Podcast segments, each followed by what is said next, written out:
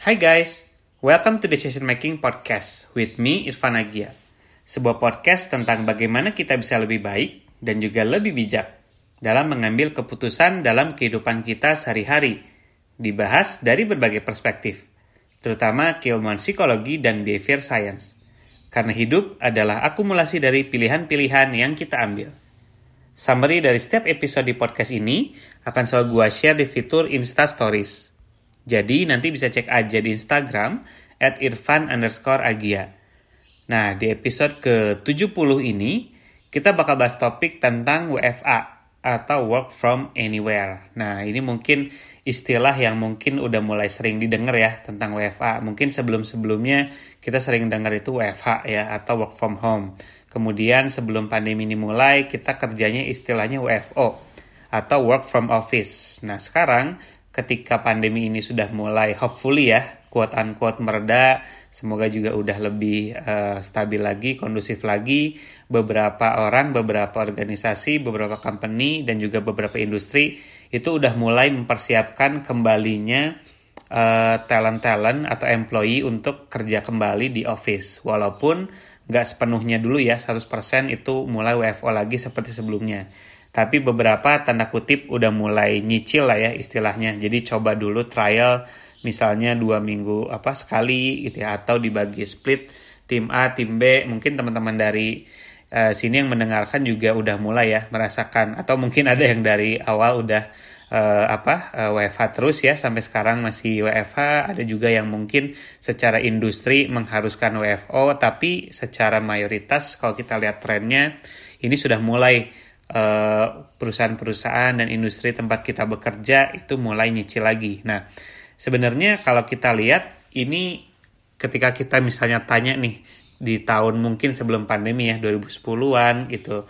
I think it's an absurd one ya kalau kita misalnya mengajukan pertanyaan, bisa nggak sih kita kerja tuh di mana aja? Kita nggak usah di kantor, bisa di cafe, bisa di rumah, atau misalnya bisa bahkan di negara lain selama time zone-nya sama gitu ya. Jadi mungkin kalau dulu kita raise question ini mungkin uh, agak ini ya absurd dan belum apa ya orang-orang nggak nggak percaya kalau itu tuh bisa terjadi.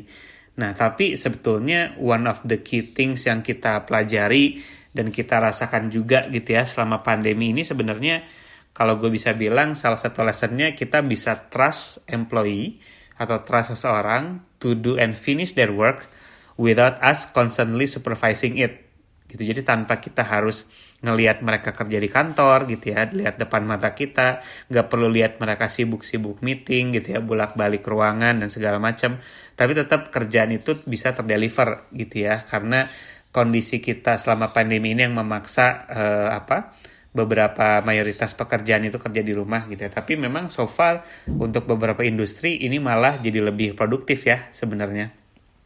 Nah pandemi ini bisa dibilang jadi semacam laboratorium worldwide lah ya untuk ngeliat gimana sih orang-orang termasuk kita manage kerjaan kita itu dari rumah gitu. Dan of course ini uh, disclaimernya memang tidak semua industri ya pasti nggak bisa implement uh, kebijakan ini. Kayak misalnya manufaktur gitu ya atau beberapa industri yang memang kritikal ya yang memang juga ada definisinya waktu kita selama PSBB juga ya beberapa industri yang memang walaupun lagi penya apa pembatasan sosial itu tetap uh, bisa untuk bekerja.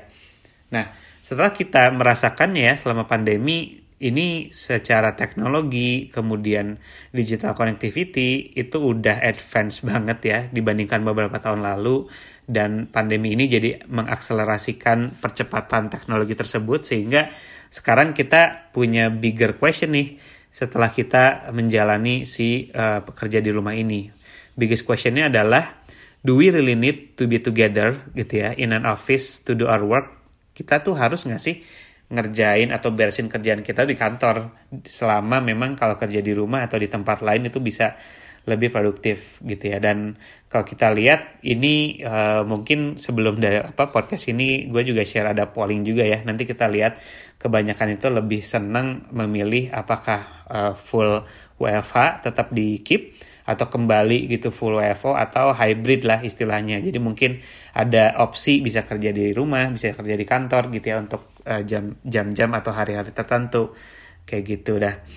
Sekarang sebetulnya kalau dilihat ya based on your perspektif dan juga tren yang dilihat di industri WFA ini is here to stay sih sebenarnya. Jadi salah satu opsi yang mungkin bisa cater buat needs ya antara kebutuhan di kantor dan juga kebutuhan untuk produktivitas di rumah itu adalah WFA atau work from anywhere gitu. Jadi uh, ini this hybrid work model ini kayaknya bakal bisa menjadi new standard ya. Bahkan kalau teman-teman yang aktif buka LinkedIn atau apa lihat-lihat job post juga ada beberapa company yang udah publicly bilang bahwa mereka implement uh, WFA atau ada ada juga yang terbaru itu uh, mereka implement kerja cuma empat hari dalam seminggu gitu. Jadi ini sudah mulai menunjukkan ada perubahan standar, ada perubahan uh, gaya atau culture ya di workforce kita ini setelah pandemi. Dan I think this hybrid model ya WFA ini is here to stay gitu karena ini bisa menjadi apa win-win solution juga ya. Nanti kita akan bahas apa sih benefitnya untuk individu ya untuk employee uh, benefit untuk organization atau company dan juga benefit bahkan untuk society juga sebetulnya. Nah jadi kalau dilihat uh, ini trennya ya uh, bahkan beberapa company nggak cuma di Indo di luar negeri ya itu udah bahkan uh, bilang mereka akan bikin remote work atau WFH ini tuh jadi permanen. Bahkan setelah vaksin pun juga available kayak Twitter, Facebook gitu ya, Shopify itu memang mereka udah uh, publicly bilang ini akan jadi standar model mereka. Seperti itu. Dan kalau kita lihat secara tren data juga uh, menariknya adalah yang paling banyak memberikan apa opportunity ya atau hiring untuk remote workers itu di US ya jadi ada data dari Qualtrics juga nih 70% remote job listing itu originate-nya dari US gitu. Jadi kalau dilihat ini sebetulnya banyak plus plusnya juga ya untuk remote working ini. Jadi contohnya kalau buat organisasi kayak di US dia bisa hiring talent nggak cuma di US doang tapi udah abroad juga ya. Kalau memang uh, mereka mengharuskan untuk uh, remote gitu ya. Selama memang time zone-nya sama, time zone bekerjanya gitu. Nah, sekarang kita coba bahas tentang benefit-benefitnya apa aja ya untuk uh, tadi baik itu untuk individu, untuk organisasi atau kantor dan juga society. Nah, yang pertama kalau buat individual sendiri ini mungkin kita sendiri atau pribadi udah ngerasainnya ya benefit uh, punya fleksibilitas kerja di rumah, teman-teman yang punya privilege untuk kerja di rumah dan mungkin sesekali ke kantor gitu ya. Uh, ini kalau dilihat mempermudah kita untuk punya lebih banyak freedom. Sebetulnya bahkan uh, ada riset juga yang menunjukkan kalau milenial sama Gen, Gen Z ini dia lebih seneng nih dengan opsi WiFi ini karena mereka bisa sambil living anywhere in the world gitu ya selama time zone-nya sama untuk tetap bisa uh, berkarir gitu ya atau juga dapat kerjaan jadi digital nomad istilahnya gitu nah beberapa juga ngerasain adanya uh, better quality of life gitu. Kayak contohnya misalnya dengan sistem WFA ini atau opsi untuk kerja di mana pun itu bisa membuat misalnya untuk yang sudah punya anak gitu ya, terus misalnya bisa lebih banyak waktu dengan anak kemudian juga bisa apa uh, sambil kerja contohnya bisa di rumah kakek neneknya gitu ya untuk uh, bonding dari cucu dan kakek gitu ya. Jadi ngebantu untuk lebih banyak family time juga gitu. Jadi memang being closer to family itu juga bisa increase overall happiness. Gitu. Jadi uh, apa? Ini yang uh, beberapa benefit ya untuk individu. Terus juga produktivitas juga.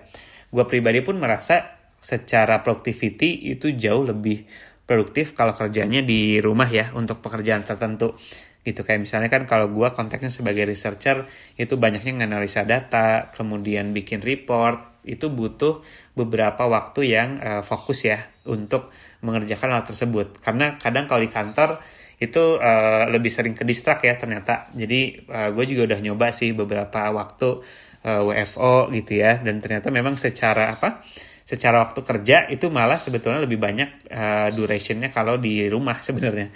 Kalau di kantor itu sebetulnya uh, ada beberapa hal yang kita miss ya.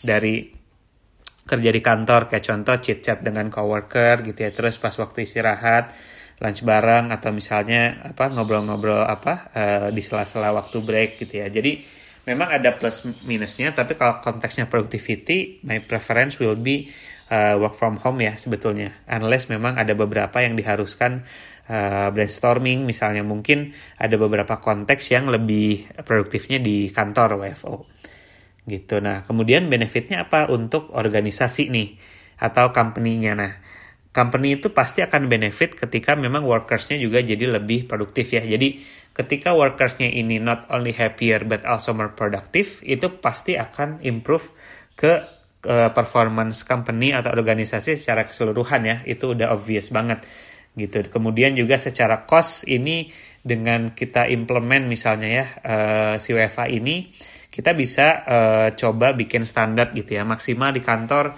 itu berapa ratus orang gitu ya, atau uh, 100 orang misalnya. Di situ kita bisa secara cost itu meminimalisir harus misalnya renting office yang jumlahnya besar gitu ya. Tapi uh, kita bisa minimize atau cut the cost gitu ya. Karena kan uh, cost untuk kita nyewa apa uh, nyewa gedung nyewa ruangan nyewa apa lantai itu juga pasti akan mahal banget ya. Dengan kita implement itu company sebetulnya juga bisa uh, getting advantage dengan cutting that real estate cost sebetulnya. Gitu. Kemudian juga secara company ini akan ngaruh ke talent pool juga nih. Gitu. Jadi kita udah tanda kutip udah borderless nih kita nggak hanya misalnya company kita itu uh, secara demografi itu di Jakarta gitu ya tapi kita bisa juga nggak cuma di Jakarta nggak cuma di kota, kota luar Indonesia tapi bahkan di luar negeri. Gitu ya talent poolnya selama memang time zone dan komitmennya bisa sama seperti itu.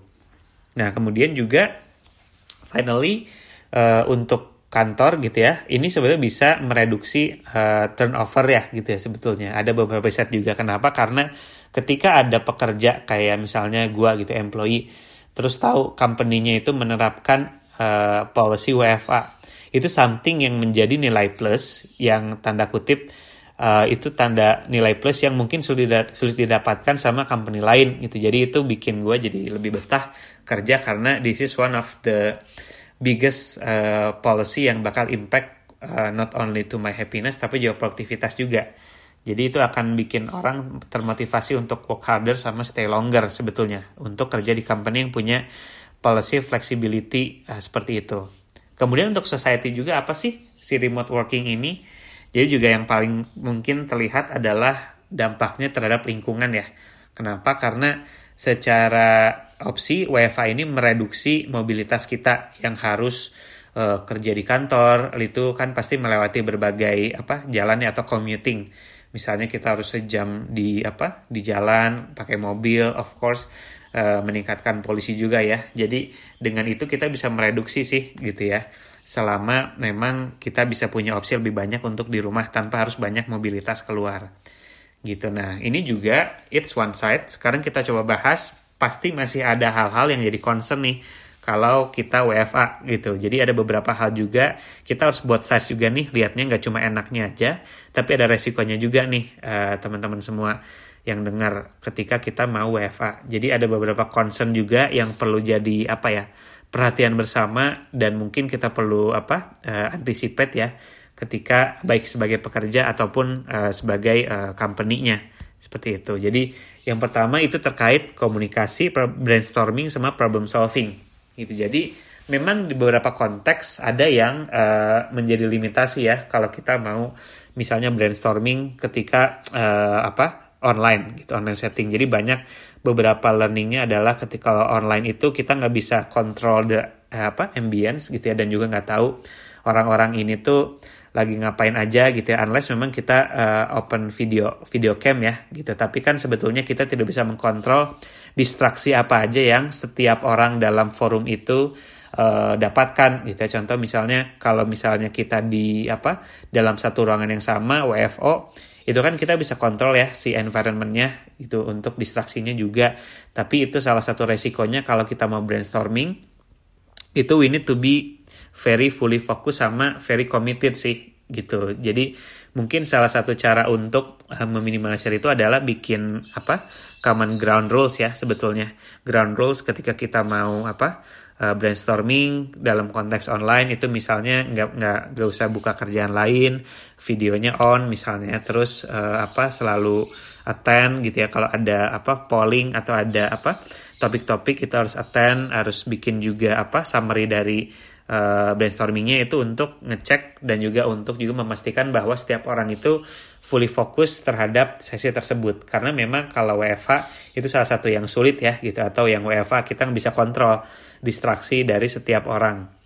Nah kemudian juga uh, knowledge sharing ya knowledge sharing juga ini jadi salah satu challenge juga ketika kita menerapkan work from uh, anywhere ini gitu. Jadi ketika uh, misalnya kita apa uh, majority-nya remote ya itu di rumah misalnya atau di cafe atau tempat lain itu agak sulit kalau misalnya kita mau uh, knowledge sharing terhadap topik-topik tertentu gitu. Jadi ini juga bisa jadi apa masukan juga untuk company-company yang mau implement WFA gitu untuk misalnya bisa punya uh, pool of data, pool of knowledge, pool of report gitu ya yang semua orang tuh bisa akses gitu tanpa harus uh, kan kalau misalnya di kantor kita apa uh, mau ada request atau apa datangin langsung ke orangnya di kantor itu secara persuasif lebih mudah ya gitu. Tapi kalau misalnya di online itu kita butuh waktu lebih banyak seperti itu.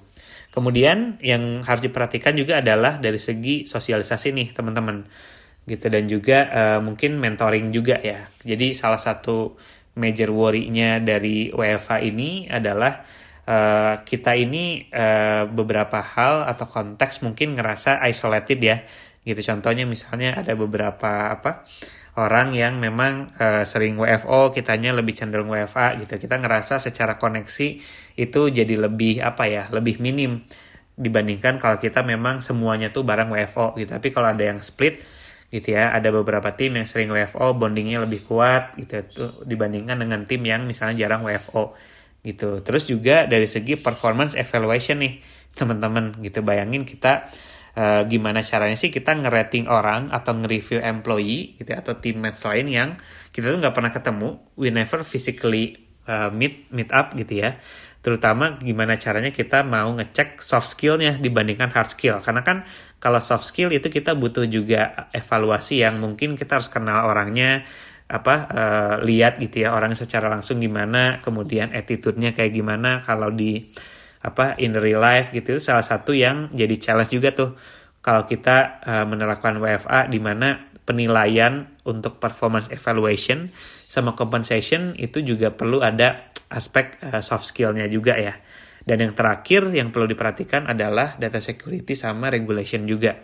Nah ini sebetulnya untuk company yang uh, punya banyak kebutuhan dengan data ya atau big data. Jadi gimana caranya nih kita kontrol orang-orang yang eh, nggak uh, di kantor gitu ya bisa akses datanya di mana aja WFA gitu ya. Gimana kalau dia itu apa uh, tag fotograf gitu ya atau foto si slide atau data-data yang penting gitu ya kita kan nggak bisa kontrol gitu dan sending ke kompetitor gitu. Jadi ini juga kita perlu ada cyber security training juga kemudian training dari sisi legal ya dari sisi HR juga untuk tahu pentingnya menjaga keamanan data dan juga terkait si uh, privacy ini sebetulnya. Jadi itu adalah beberapa hal yang perlu diperhatikan ya ketika kita WFA. Jadi biar kita punya perspektif both sides nih gitu ya. Pro-nya apa kalau kita WFA, kemudian juga apa uh, cons-nya apa nih untuk WFA gitu. Jadi uh, kita bisa lihatnya secara both sides seperti itu. Dan uh, kalau dari judul podcast ini kan sebetulnya apakah ini too good to be true? But I think it's here to stay sih teman-teman si policy work from anywhere ini. Jadi uh, dengan adanya pandemi ini every people yang di beberapa manajemen pun sudah merasakan ya udah trust juga bahwa uh, kita bisa trust employee untuk do their things dan gak harus selalu kerjanya di office ya. Jadi I think uh, I bet that this WFA policy will be a new trend dan will be a new demand juga untuk war apa talent war ya sekarang karena talent juga pasti expect uh, policy-policy yang memang bisa membuat mereka lebih happy dan juga lebih produktif sebetulnya. Dan Uh, pertanyaannya adalah is this right for your organization? Of course, kalau WFA ini tuh nggak semua bisa implement WFA ini ya untuk industri tertentu kayak manufaktur gitu ya atau memang industri-industri yang apa uh, uh, yang harus ada di sana kayak contoh misalnya apa uh, otomotif gitu ya atau apa pun yang memang mengharuskan kita secara fisik itu do their works di di kantor atau di pabrik misalnya. Jadi But uh, mayoritas ini bisa sebetulnya implement untuk WFA. Nah, implikasinya apa sih buat kita sebagai employee yang akan menghadapi this new trend of WFA ini? Jadi ada apa? Ada satu yang mungkin jadi penting banget ya, yaitu adalah reskilling sama upskilling sebetulnya terkait skill kita.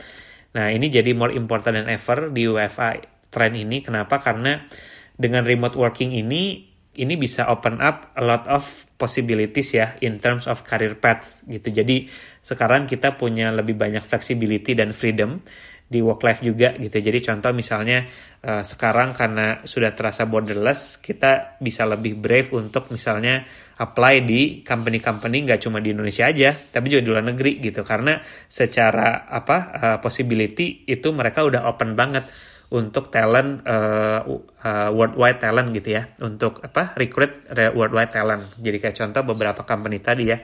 Kayak Facebook uh, Spotify gitu ya. Dan uh, beberapa company lain itu bahkan udah sangat open untuk uh, talent worldwide. Jadi it's not uh, the sky is the limit gitu ya. jadi kita bisa uh, memastikan bahwa uh, untuk possibility-nya karir path-nya lebih banyak. Dan of course upskilling sama menambah lagi skill-skill kita gitu ya biar resume kita bagus bisa flexible working juga bahkan uh, open up juga possibility karir yang berbeda gitu ya path-nya sama yang kita jalani sekarang itu membuat kita harus lebih banyak belajar lebih banyak mau uh, open up dengan skill-skill baru, ngikutin banyak seminar atau workshop untuk ningkatin skill sertifikasi. Itu penting banget biar kita jadi lebih relevan lagi dan lebih fleksibel ketika ada banyak karir terutama remote opportunities ya gitu ya untuk kita bisa explore a new career path.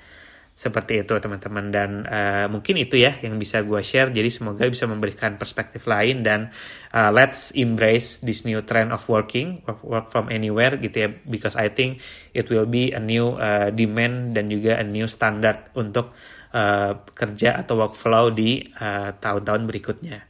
Oke, untuk uh, episode selanjutnya gue bakal bahas topik tentang sandwich generation. Nah, ini juga topik yang uh, hangat ya dan mungkin selalu relevan untuk dibahas gitu karena mungkin most of us dan mungkin teman-teman yang dengar itu juga adalah bagian dari sandwich generation ini. Jadi kita bakal banyak bahas tentang hal tersebut. So, sampai jumpa di episode ke-71. Kalau ada request atau masukan tentang feedback atau topik yang mau dibahas, boleh email atau message gue di Instagram at irfan underscore agia. Kalau teman-teman merasa topik-topik di podcast ini berguna atau memberikan wawasan baru, please do share it to others. Bisa bagikan link konten podcast ini di Instagram, because sharing is caring. Thank you and see you in the next two weeks. Bye-bye.